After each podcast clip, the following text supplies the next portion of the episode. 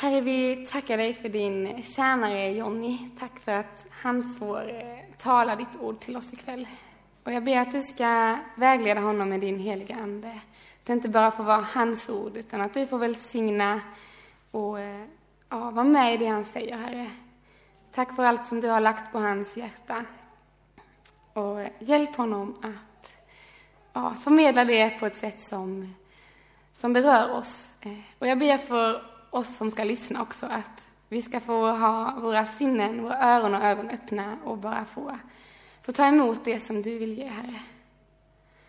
Vi lägger den här kvällen i dina händer, Herre. I Jesu namn. Amen.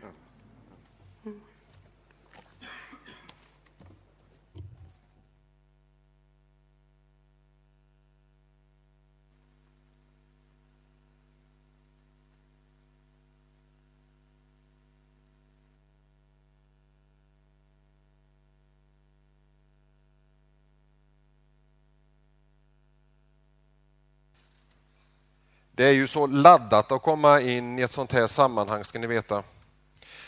Eh, när man kommer så här helt ny och landar i puls, i den här pulsen som finns här. Vet ni om att det finns en puls här, en kraft som utstrålar från er alla som finns i det här rummet och som man, man möter er och det är fantastiskt kul att få vara här.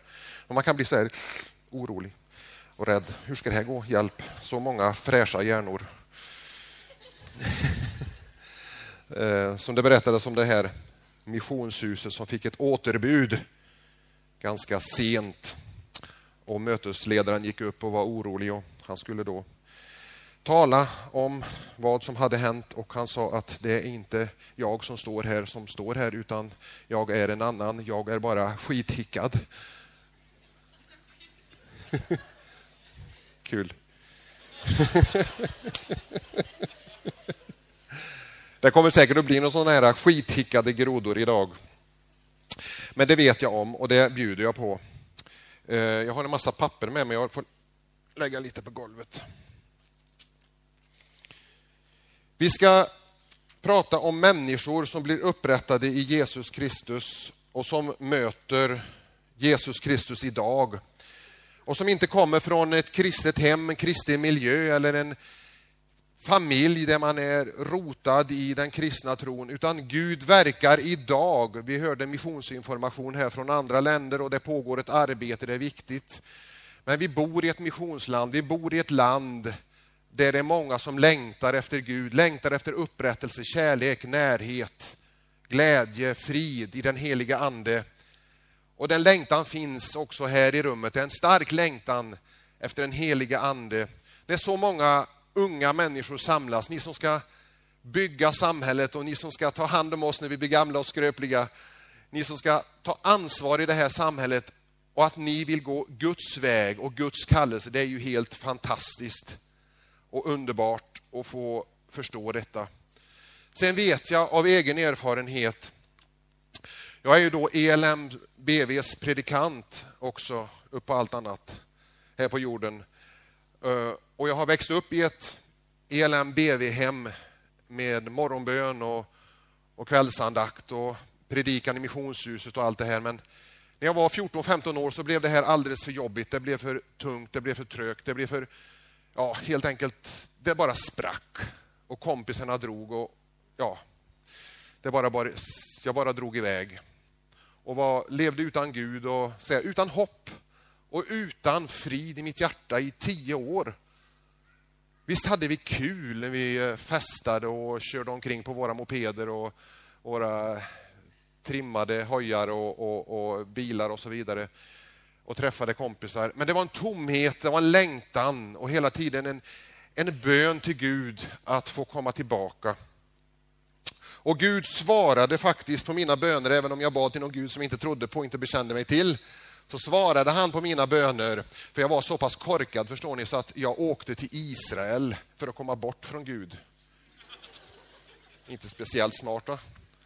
Jag tänkte inte alls i de banorna utan det var så flott så jag fick erbjudande att vara FN-soldat och fick då jobba i Israel och kom till de här platserna. Och så hade jag en sån här finurlig pappa som smusslade med ett Nya Testamente som låg i min packning. Så jag faktiskt jag började läsa den när jag var i FN-tjänst, även om jag förnekade Guds existens och Guds närhet som jag ändå kände, så, så, så, så, blev det ändå så att jag åkte rakt in i Guds famn. Alltså jag fick då bli beordrad att köra en buss som heter Prästaresan, där jag skulle lasta bussen full med FN-soldater och köra till alla de heliga platserna.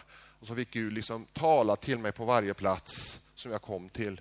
Och så hände det många andra underbara saker också som jag inte ska gå in på här. Men jag vet av stor erfarenhet vilka otroliga spänningar det är när man växer upp. Och i mötet med kompisar och i olika miljöer och hur man då står och väger och funderar på, är jag kristen eller är jag inte en kristen? Vill jag leva som kristen eller ska jag fortsätta bort från Gud? Finns det någon Gud överhuvudtaget? Och så känns allting så jobbigt och, och, och svårt många gånger. Och så försöker man liksom tränga bort det här och så kommer det in på igen. Och så finns vi här idag och får överlämna oss till Gud. Få tala med honom och be till honom och få gå till bikt och allt det som är underbart och få veta att han har omsorg om dig och mig och han vill att vi ska vara hos honom och han längtar efter dig. Det kanske finns någon här ikväll som just lever i det här spänningsfältet där man inte riktigt vet om du kanske inte riktigt vet om du är kristen eller om du kommer att vara kristen i framtiden. Så jag är extra glad för att just du är här ikväll. Extra glad för att just du är här ikväll. Jag har någon, någon betjänt någonstans här som sitter och knappar på någon dator. Tjena, kul att se dig. Är det du som ska fixa det ikväll? Ja, bra. Jag vill ha Galaterbrevet 4 och 4. Lite bibelord på, på väggen och sen så rullar vi eh, vidare. Ett centralt bibelord när det gäller himlen till jorden, det är ju Galaterbrevet 4 och 4. Himlen till jorden. Men när tiden var fullbordad sände Gud sin son, född av kvinna och ställd under lagen. Gud sände sin son. Gud öppnade frälsningens möjlighet. Han öppnade en väg för dig och mig att få komma hem till himmelen, till Gud. Och det är ju det som är grejen med det hela. Utan Guds mission till världen, utan Guds mission till oss, så hade vi ingenting att samlas omkring, vi hade ingenting att sjunga, lovsjunga eller be till. Men Gud sände sin son till vår jord för att vi skulle kunna tro på honom, ta emot honom och få evigt liv och salighet. Det står om detta på många ställen i vår bibel. Paulus skriver ju här i Galaterbrevet 4 och 4. Men sen så ska vi också uppehålla oss en del eh, i Lukas evangeliets första kapitel. Lukas evangeliets första kapitel. Eh, om vi börjar det på den eh, trettionde versen. Ja, just det, bra. Lugn. Låt det vara där. Rör ingenting. Första kapitlet eh, hos eh, Lukas så läser vi ju att det kommer en ängel till Maria och sen så säger han Gläd dig, du benådade, Herren är med dig i den 28 versen. Gläd dig, du benådade, Herren är med dig. Och sen lite längre fram så står det, frukta inte, du har funnit nåd hos Gud. Och så kommer de här underbara orden, du ska bli havande och föda en son och du ska ge honom namnet Jesus. Och sen så säger Maria i de välkända orden, hur skall detta kunna ske? I vers 34. Hur ska detta kunna ske? Hon blev förskräckt. Hon ställde en fråga, hur ska detta kunna ske? Och då svarar ängeln så fantastiskt, vers 35. Den heliga ande ska komma över dig och den högstes kraft skall vila över dig. Därför skall också barnet kallas heligt och Guds son. Och sen i vers 37. Ty för Gud är ingenting omöjligt. Vi ber Tack käre gode Gud för att du lät dig födas hit till jorden. Tack för att vi får vara dina barn. Så ber vi dig heliga Ande att du förklarar ordet för oss, öppnar våra hjärtan och gör oss mottagliga så att ditt ord får tränga in i oss och stanna kvar. Du vet Herre att vi behöver dig. Och tack för att du kommer oss riktigt, riktigt, riktigt nära här ikväll och talar till oss, till det innersta. Och hjälp oss Herre så att alla förråd och alla garderober och alla skrymslen öppnas så att du får komma in och rena och hela oss. Tack helige Ande, tack Jesus för att du är här. Amen. Ty för Gud är ingenting omöjligt. Eh, ta med dig detta alldeles särskilt, du som funderar på om du är kristen eller hur det ska gå i framtiden. Ty för Gud är ingenting omöjligt. Det som du just nu går och bär på, det du tänker på, det du har som en börda, det vill Gud ta hand om, det vill han bära, det bar han och det led han för. Men du kanske ändå funderar på vad den här typen håller på med här framme. Är det julfirande vi håller på med nu mitt i sommaren? God jul på er alla. Det är ju inte det vi längtar efter riktigt nu. Snö och kyla och så vidare. Nej, det här är ju den kristna trons centrum. Vi har ju den förmånen att fira jul året runt. Vi får önska varandra god jul varje dag för att Jesus Kristus föddes hit till jorden och blev människa. Inkarnationen, detta centrala i den kristna, kristna tron, det här köttblivandet, när Gud steg ner mitt ibland oss och som är unikt för alla eh, livsåskådningar eh, och religioner. Den kristna tron talar om en Gud som steg ner mitt ibland oss och som blev människa och delade våra villkor det är någonting som är väldigt viktigt att hålla fast vid.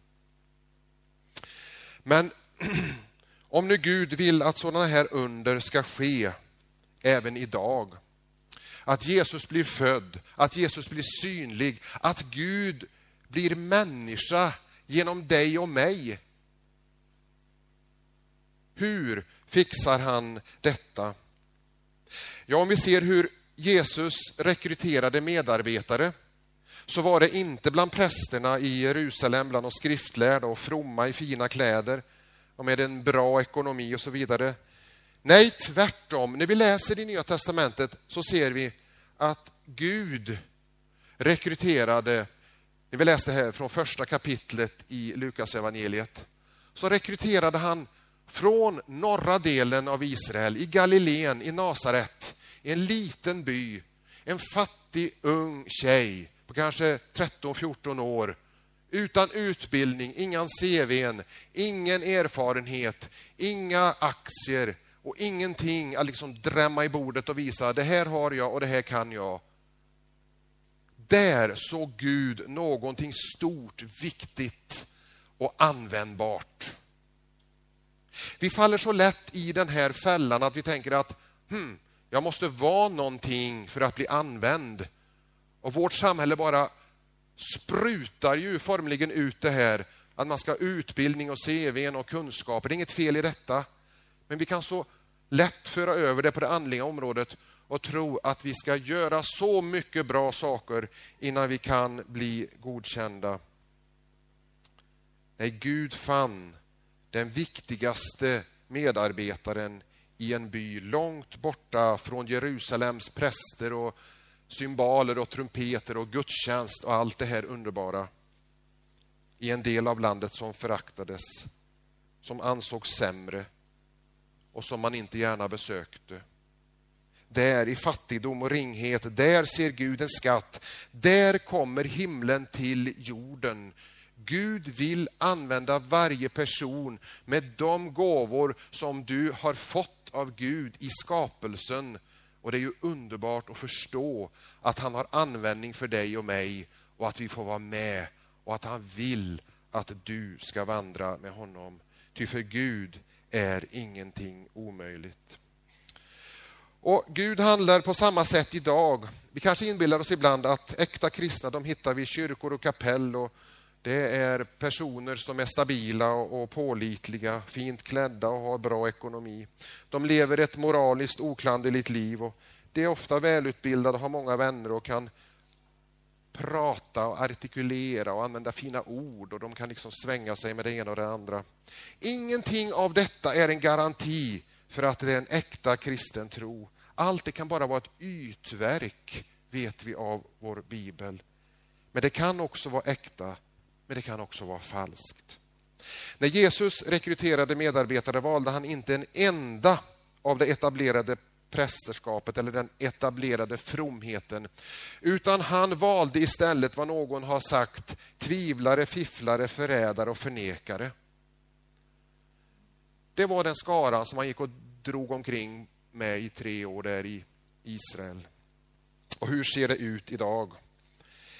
Ja, finns det överhuvudtaget någon Gud, kanske någon tänker som har kommit hit idag. Finns det överhuvudtaget någon Gud? Det är många i Sverige som tänker så idag och som längtar efter ett svar. Var finns han? Hur ser han ut? Hur kan jag möta honom? Först kan vi ju beklaga sorgen och säga att du och jag, vi bor i ett dött land vad gäller Gud och den heliga Ande och så vidare. Sverige som är ett av världens mest sekulariserade länder, alltså mest avkristnade länder som finns på vår jord. Samtidigt så får jag lycka till. Vilket fantastiskt arbetsfält. Vi lever i ett land där många miljoner längtar efter Gud och framtiden är laddad och möjligheterna är stor, stora att gå in i arbete och kom ihåg att Gud rekryterar inte sina medarbetare där vi förväntar oss att han ska göra det. Gud rekryterar sitt folk idag i Sverige bland de som är utslagna, missbrukare, hemlösa och misslyckade.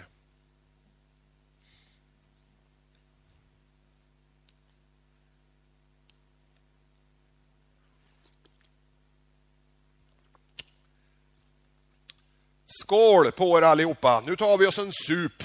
Ah, det var gött det. Ah, det gjorde gött i kroppen det.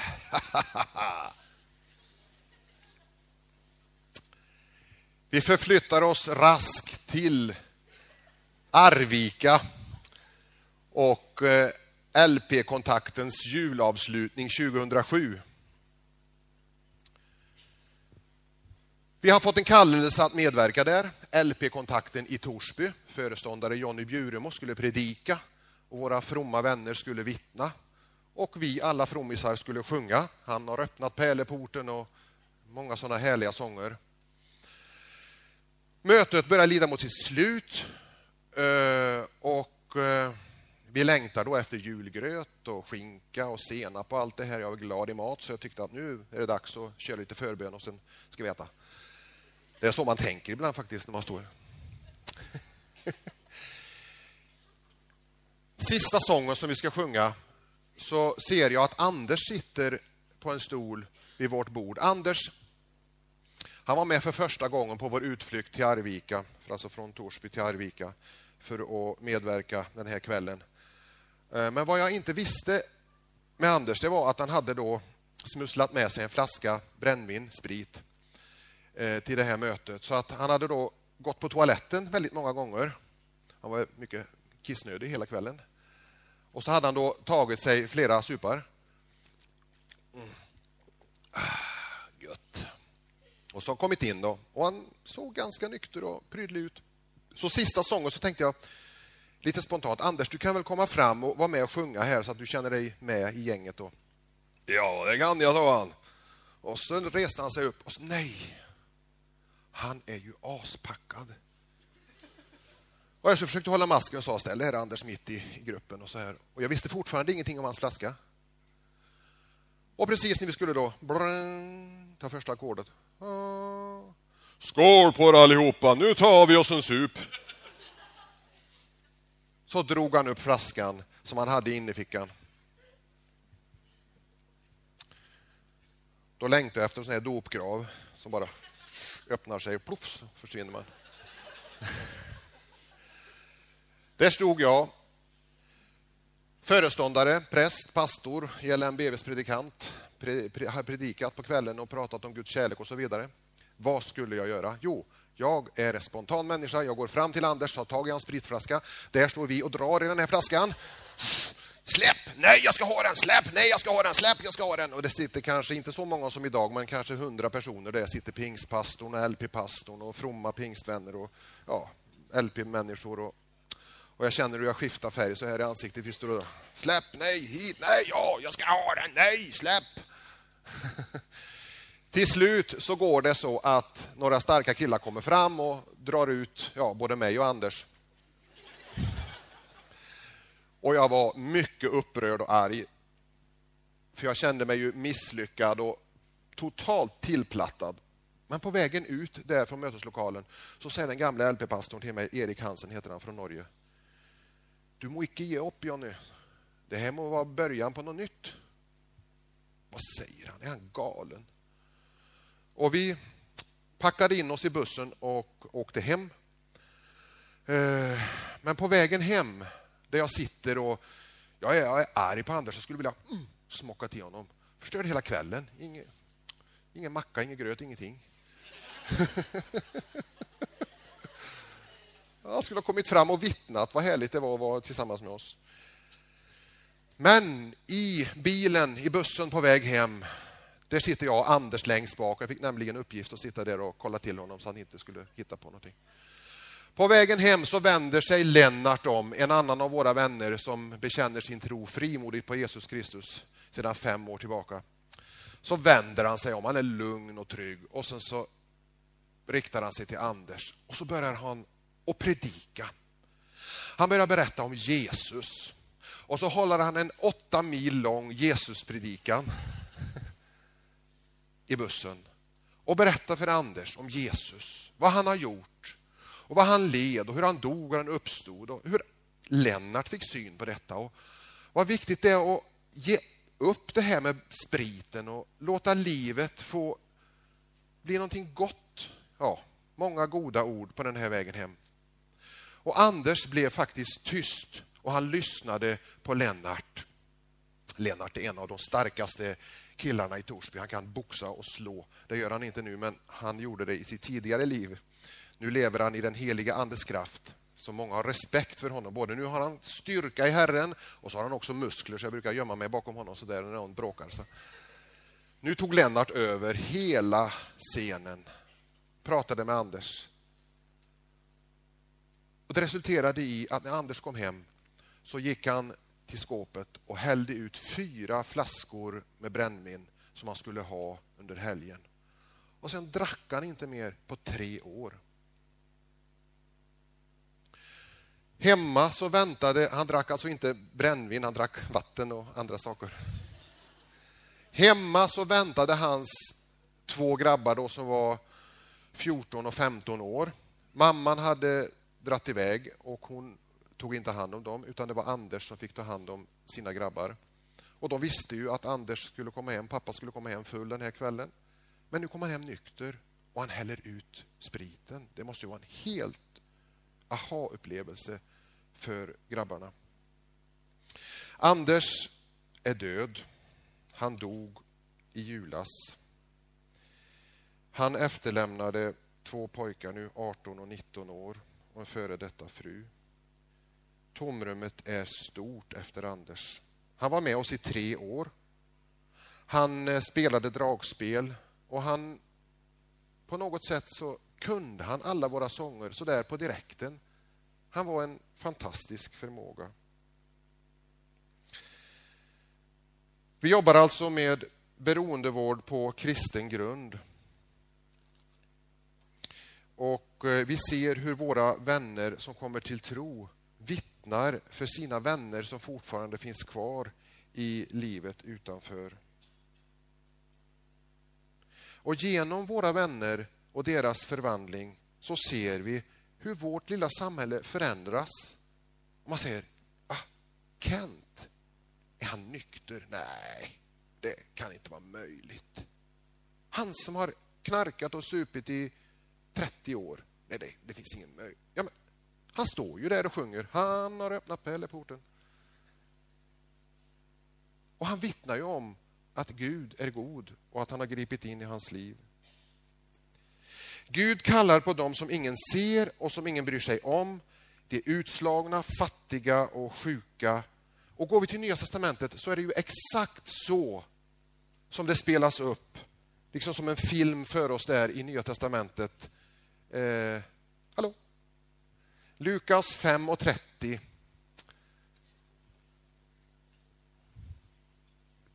Där det står fariséerna och de skriftlärda, de gick till Jesus då och, och till hans lärjungar och frågade varför äter och dricker ni tillsammans med publikaner och syndare? Och Jesus svarade dem, det är inte de friska som behöver läkare utan de sjuka. Jag har inte kommit för att kalla rättfärdiga till omvändelse utan syndare. Nu ska jag säga något om alkohol. Eh, ungefär ett pass här mitt i. Eh, några siffror som kommer att rullas upp här på väggen. Vi vet att alkohol det trasslar till livet för många. Alkohol det öppnar för andra droger. Och alkohol är egentligen ett gift som skulle ha en sån här dödskalle-stämpel på sig om den skulle, bli upp, om den skulle uppfinnas idag. Ändå så klassas alkohol idag i Sverige som livsmedel. Alkohol lika väl livsmedel, det är jättebra, tack. Det är liksom, man vet inte riktigt var man ska placera in alkoholen så att okej, okay, man dricker den, man förtär den, då är det livsmedel. Men då kan man fundera på om det finns något annat livsmedel eller någonting annat som man stoppar i sig som har sådana otroliga skadeverkningar på både kroppen, själen, framförallt anden och omgivningen som alkoholen har. 75 procent av all kriminalitet i Sverige idag är alkoholrelaterad. 75 procent. Skriv gärna ner eller memorera dessa siffror för att det är chockerande. Jag trodde inte det var sant först när jag fick se dem. 500 000 barn, alltså en halv miljon barn, lever i skräck för att de bor med mamma eller pappa som missbrukar. 300 000 dricker så mycket att de riskerar att skada sig själva eller andra. Åtta av tio som drunknar har alkohol i blodet. 30 procent av de som dödas i trafiken har alkohol i blodet. Och varje svensk över 15 år dricker cirkus 11 liter starksprit per person och år. Och alkoholen kostar det svenska samhället hiskeliga summor. Jag har inte trasslat till det här, utan det är alltså 100 miljarder 90-100 miljarder. Det är svårt att uppskatta, men det är enorma summor. Alltså 100, vad blir det, 100 000 miljoner eh, i, i, då, i skador, i lidande, försäkringar, i förstörelse, stor destruktivitet genom alkoholens framfart. Om, om ni tror att jag bara fejkar det här för att vara lite häftig, förresten, det var en predikant som sa till mig, Johnny, hallå, ska du predika på puls? Är du häftig? Yes. Jag får bara predika på tältmöten, sa han. Jag mig, är häftig. Men vi får vara häftiga i Gud, va? häftiga i den heliga Ande, häftiga i Jesus Kristus. Det är inget fel. Det behöver inte vara negativt. Vi är häftiga i Gud. Men det här är inte häftigt. 100 miljarder svenska kronor per år i lidande och i destruktivitet. Detta är i Sverige. Visst sa jag det inledningsvis, i vårt land sa jag, men sen har jag hoppat över det. Det, alltså, det handlar om Sverige det här. Det handlar om Sverige. Och vill ni läsa mer så kan ni gå in på folkhälsoinstitutet.se eller Centralförbundet för alkohol och narkotikaupplysningen, det förkortas can.se. Det finns många sådana sidor. Ni kan googla på alkohol får ni se, får ni upp rubbet. Och kära unga vän, du som sitter här och finns här idag och jag har ett sånt fantastiskt tillfälle, så många ögon som stirrar på mig, så många hjärnor som tänker och så många det snurrar runt här, alltså man bara får ösa ut saker och ting. Det är underbart. Jag hoppas att detta får dig att inse att det är ingen, det är ingen tvekan. Vi tackar nej till alkohol. Vi tackar nej till alkohol. Inte på grund av kanske att vi klarar av en öl eller två, men vi har personer i vår omgivning som förväntar sig faktiskt att vi som kristna inte tänker, nej nu får du ge dig kanske du tänker. Ge dig med din moralpredikan, din löjliga fjant. Jag dricker så mycket jag vill och det struntar du i. Ja, okej, okay. jag kan inte följa med dig hem. Men jag bara skickar med dig detta. Jag har sett baksidan, jag har levt i det. Jag har vaknat upp i fyllecell, jag har blivit omhändertagen av polis. Jag har druckit kopiösa mängder. Jag har skadat mig själv, jag har skadat andra. Jag vet att alkohol leder till destruktivitet. Och när jag möter mina vänner så ser jag det allra tydligast. Splittrade familjer, kroppar som bryts ner och så vidare. Låt istället den helige Ande få fylla dig med himmelsk drog som du hittar i Guds levande ord. Och Det står ju faktiskt i Efesebrevet 5 och 18. Berusa er inte med vin. Sådant leder till liv i laster. Låt er istället uppfyllas av Anden. Låt er istället uppfyllas av Anden.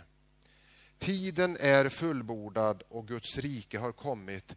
Låt er uppfyllas av Anden. Och så mycket vet jag, kära vänner, att när man dricker brännvin och öl eller vad det är, då behöver man inte den helige Ande, för då är man så jättestark. Vet du. Och man är så vacker och alla tjejer vill ha en och man är så bra. Så man klarar sig helt och hållet på egen hand tills det liksom brakar. Uppfyll er av den helige Ande. När en människa säger nej till droger och narkotika och alkohol, tar emot Jesus Kristus i sitt liv, då är tiden fullbordad och Jesus Kristus kan födas i vårt land. Det är så jag ser det med mina vänner. Jag ser att Jesus Kristus föds fram, de blir gravida, de talar om Jesus och som föder om Jesus mitt i vårt samhälle och som blir Jesus tydlig och som pratar de om Jesus var de än går och var de än sitter och så påverkar detta människor jag vill säga precis så som när Jesus vandrade här. När den helige ande får göra oss gravida, om jag får använda det uttrycket. Så att vi får föda fram Jesus i våra liv. Så att Jesus blir synlig. Och jag har lärt mig så mycket av mina vänner som kommer från missbruk och som kommer in på mötena och så vidare. Det är inte det här att man kanske sitter en hel timme och lyssnar snällt, utan man kan resa sig helt plötsligt efter en kvart och säga ja, jag måste gå på toaletten. Och så tänker man, äh, hjälp, får man säga så? Och så kan de komma tillbaka och så kan de sätta sig och säga, du Jonny, det här som du predikade om förut, jag tänkte på det här, vad menade han egentligen Jesus om detta? Och så har man som en dialog. Va? Det är inte det här med att, Åh, titta på klockan, nu ska jag ut och så. Utan det störde mig i början, men nu är det en glädje att få möta människor som har tagit emot Jesus. Som har fyllt tomrummet, ensamheten och rädslan. Och du som finns här ikväll, du behöver inte komma från något destruktivt missbrukarhem för att vara tom och känna dig bortglömd och övergiven. Du får en hälsning idag från Gud, du som har kommit hit. Gläd dig du benådade, Herren är med dig. Halleluja, kan vi säga det? Gläd dig du benådade, Herren är med dig. Halleluja! Ett, två, tre. Halleluja! Herren är med dig. Halleluja! Gläd dig. Och det är nästan Etiopien. Nästan Etiopien alltså. Nästan uppe i den decibelmätaren. Man säger Jesus är Herre. Halleluja! Får man det direkt, som ett ögonblick. Jesus är Herre. Han vill fylla dig. Han vill ge dig helig ande. Gläd dig du benådade, Herren är med dig. Där du går i din ensamhet, övergiven, känner dig bortglömd och kanske tänker att det är ingen som bryr sig om mig. Herren är med dig. Och så kommer direkt frågan som Maria ställde. Hur ska detta kunna ske? Hur ska jag kunna bli en Jesu Kristi vän? Jag vet ingenting, jag kan ingenting, jag har ingenting.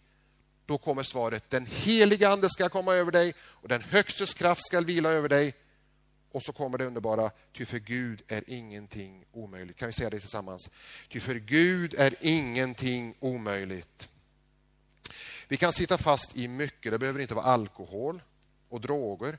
Det kan vara sexmissbruk. Att varje dag kanske tvingas till datorn för att onanera. Det kan vara spelmissbruk, att inte kunna slita sig från datorn och spelet trots att du vet att det är galet och destruktivt så sitter du ändå som fastlåst vid den här skärmen.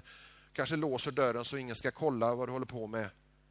Vi kan vara i ekonomiska synder där det fifflas med andra pengar, i maskar på jobbet, vi kopierar dataprogram, filmer och musik och så vidare. Du behöver befrielse i Jesu Kristi namn. Den generation som lever i Sverige idag behöver befrielse i Jesu Kristi namn. Tveka inte utan låt den heliga ande lösa dig. Vilka fantastiska möjligheter. Jag hade mycket härliga eh, predikningar och så när jag var ung, men jag hade ingen möjlighet att prata med någon som kunde lösa mig från mina synder. Men det var det första som jag gjorde sen jag levde mina tio år ute i världen. Sökte upp en präst och sa det här vill jag bli löst ifrån. Och så berättade jag skamset ändå vad det var. Men jag tror att du är här ikväll som kommer att få kraft av den helige ande och berätta vad det är som du inte kan berätta för någon annan. Men som du kan gå in till en broder eller en syster och så kan du få förlåtelse och bli upprättad och du kan gå hundra kilo lättare härifrån och vara glad över att Jesus, han har burit alla dina synder och han har renat dig från all orättfärdighet. Då kommer himlen till jorden. Då kommer Guds rike in i ditt liv. Och då kommer inte bara Guds rike in i ditt liv, utan då sprids detta i din omgivning. Och de ser, ah, du har varit på läger. Ha, vad lärde du dig där då? Jesus, eller vad var det? Ja, han är underbar, han har befriat mig. Va? Och så rullar det vidare. Kom och se, häng med nästa år. Underbart. EFS-pastorn Karl Hasselberg och eh, ELMBVs predikant Jonny Bjuremo skulle ut på en tur. Vi skulle köra Ove till ett behandlingshem. Ove är en kille som har en ganska stor missbruksproblematik bakom sig och mycket kriminalitet, men hade fått beviljat av kommunen att åka till ett behandlingshem. Halvvägs till det här behandlingshemmet så ville Ove bjuda EFS-pastorn och ELM-BVs predikant på fika. Så vi åkte in till ett fik i Filipstad och Ove stegade in och Karl och Jonny följde efter. Vi gick fram till kassörskan och hon var kanske på lite dåligt humör, kanske haft lite trubbel där hemma. Hon såg bister ut. Hon tittade först på EFS-prästen pastorn och så tittade hon på Jonny Bjuremo, ELMs BVs predikant, föreståndare och allt möjligt. Och sen så stirrade hon på EFS-pastorn igen och sa ni får komma tillbaka när ni är nyktra. Och vi blev helt paffa, så vi vände på klacken och så gick vi ut från det här fiket. Vi kände oss helt snopna. Och Karl, som är en försynt, snäll, vänlig pastor, han sa det var det fräckaste jag har varit med om i hela mitt liv. Jag har aldrig blivit utvisad från ett café tidigare. Men Ove, han hade jättekul. Ni får komma tillbaka när ni är nyktra, sa han. Och så spred han detta hej vilt i sin omgivning. Vet du vad hon sa på fiket? Hon sa att de får komma tillbaka när de är nyktra.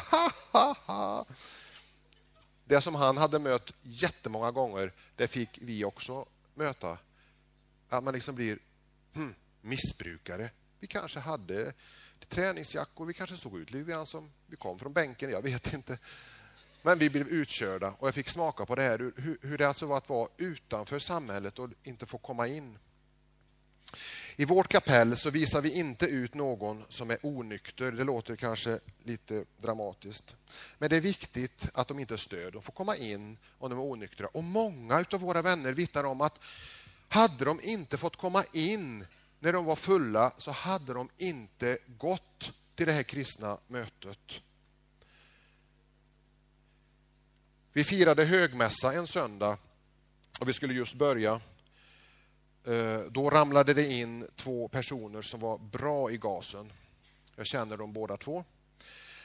Och när det är högmässa då så är det ju nattvard. Och då var ju tanterna där och farbröderna och så kom det två ganska pådstrukna killar in. Och jag tänkte att hur fixar jag det här? Hmm. Och jag bad liksom till Gud att, käre Gud, låt dem bli lite otåliga så att de går hem så där ungefär efter skriftetalet eller vid beredelsesalmen så att, de, så att jag liksom kan andas ut. Men de satt kvar och predikan kom, de satt kvar och jag började med mässan och de satt kvar. Och vi sjöng långa salmer och de satt kvar. Ja, det hade aldrig hänt tidigare. Och jag bad till Gud, käre gode Gud, nu ligger allt det här i dina händer och jag är helt din tjänare. Om det nu är så att du vill att dessa två killar ska ha nattvarden så får du ta ansvaret. Jag fixar det inte. Och så vände jag mig om. De satt kvar. Mm. Och sen så var det då dags att välkomna fram och de, församlingen kom fram och de här killarna kom också fram. Och jag tänkte, vad händer nu? Alltså de sopar till det här så det, ja, det kan ju hända vad som helst. Men Gud hade sin makt och sin bevarande hand över hela den här gudstjänsten. De fick ta emot Kristi kropp och Kristi blod. De tackade och de kommenterade detta särskilt flera gånger sedan vid kaffet och flera dagar efteråt vad betydelsefullt det var för dem att de fick ta emot nattvarden. Några dagar, eh, tre veckor senare, så dog den ena av dem. Och Det var just han som underströk flera gånger hur glad han var för att just han fick ta emot nattvarden. Jag har inte kommit för att kalla de rättfärdiga utan de sjuka och syndare till omvändelse. Vi kan lära oss mycket av våra vänner och vi kan se hur de får ett nytt liv och vara glada för detta. Det finns många jobbiga bitar också med återfall och med hot och så vidare. Men har du en person i din närhet som du vet lider av missbruk, alkohol eller andra droger, så var inte rädd. Det är vilka människor som helst, precis som du och jag. De är hur goa som helst och nästan ännu mer goare för de kramas och de höll på att säga pussas och de är helgoa. Eh, Längtar efter mänsklig kontakt och närhet och vi får vara Guds uträckta händer och fötter som går ut. Men först och främst så vill ju Gud rädda dig och mig från döden till livet. Och du är här idag för att bli utrustad. Tiden är fullbordad och Guds rike är nära. Himlen är så påtagligt nära här idag. Ni har valt ett tema om himlen. Ett oerhört viktigt tema för våra förfäder. Om man ser på Lova Herren så är typ de här hemlandssångerna 80 procent av sångboken. Alltså man längtade hem man längtade till himlen, man längtade till något underbart. Detta sjöng man om, för man hade upplevt Guds närvaro. Vi får leva här på jorden, vi får ha himmelriket här mitt ibland oss och sen får vi ovanpå det får vi längta hem. För att när Gud genom Jesus Kristus har räddat dig från en evig död till ett evigt liv, då har han användning av dig. Han vill att du ska gå ut och rädda andra. Precis som Kent gjorde, som jag har berättat om lite grann och skulle kunna berätta mycket om honom. Kent, som ingen trodde skulle få ett nyktert och drogfritt liv. Han åker nu, inte land och rike runt, men Värmland runt och sjunger om Jesus Kristus och vittnar om sin tro. Han är tatuerad, han har lång rött hårfläta och han är bra på att prata, en underbar begåvning. Men Kent, han sa ganska på direkten han kom till tro och bekände Jesus Kristus. Jag vill att mina vänner som finns där ute också ska få ta emot Jesus Kristus. Jag lider av att se mina vänner stå nere vid järnvägsstationen och frysa. Och det här gäller då Karlstad. Och det resulterade i att vi har öppnat ett LP-arbete i Karlstad som heter Petrushjälpen.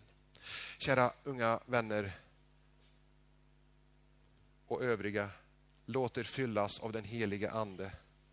Låt den helige Ande får vara någonting som fyller dig varje dag så att du får gå ut och se människor som lider nöd.